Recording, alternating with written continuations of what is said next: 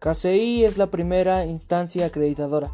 Se constituyó en nuestro país y desempeña una función de gran transparencia, pues ayuda a la mejora de la calidad y proporciona información oportuna sobre esta, que es pertinente y objetiva. Mi nombre es Jesús Rafael Gutiérrez Carrión y vamos a hablar un poco de qué es KCI. KCI es el reconocimiento público que una organización acreditadora otorga en el sentido de que éste cumple con determinados criterios y parámetros de calidad. La acreditación que realizan las organizaciones acreditadoras reconocidas por el resultado de un proceso, cuyo propósito es el reconocer pública y formalmente que el programa educativo cumple con criterios de calidad y que también fomenta la mejora continua. El primer paso por realizar es una autoevaluación durante el proceso de autoevaluación, el programa educativo deberá analizar y presentar información sobre 30 indicadores distribuidos en 6 criterios.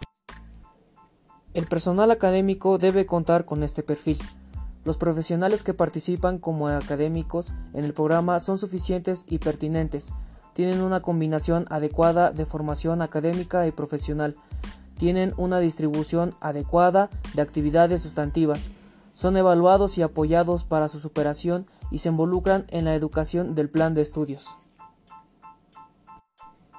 El objetivo en los estudiantes es que el programa educativo debe demostrar resultados satisfactorios y de calidad en los procedimientos de admisión, revalidación, seguimiento de la trayectoria escolar, asesoría, tutoría y titulación de los estudiantes en el marco normativo institucional.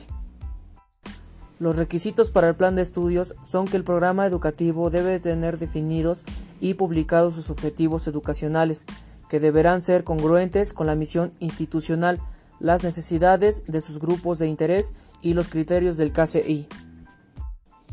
El programa educativo debe tener un proceso de evaluación sistemática que considere los resultados de la valoración de sus objetivos educacionales, el logro de los atributos de sus egresados y los índices de rendimiento escolar, entre otros, con la participación presentativa de sus grupos de interés, que indica en la mejora continua del PE.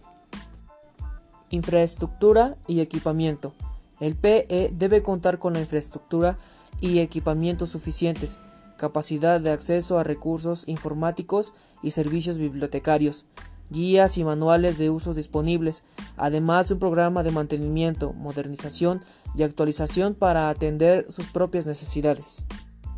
Beneficios para los programas acreditados. Al construir una garantía de calidad, la acreditación de programas académicos permite informar y orientar a la sociedad sobre los programas de calidad y las instituciones que los imparten para la evaluación de la conformidad. Espero que te sirva esta información y nos vemos en el siguiente capítulo.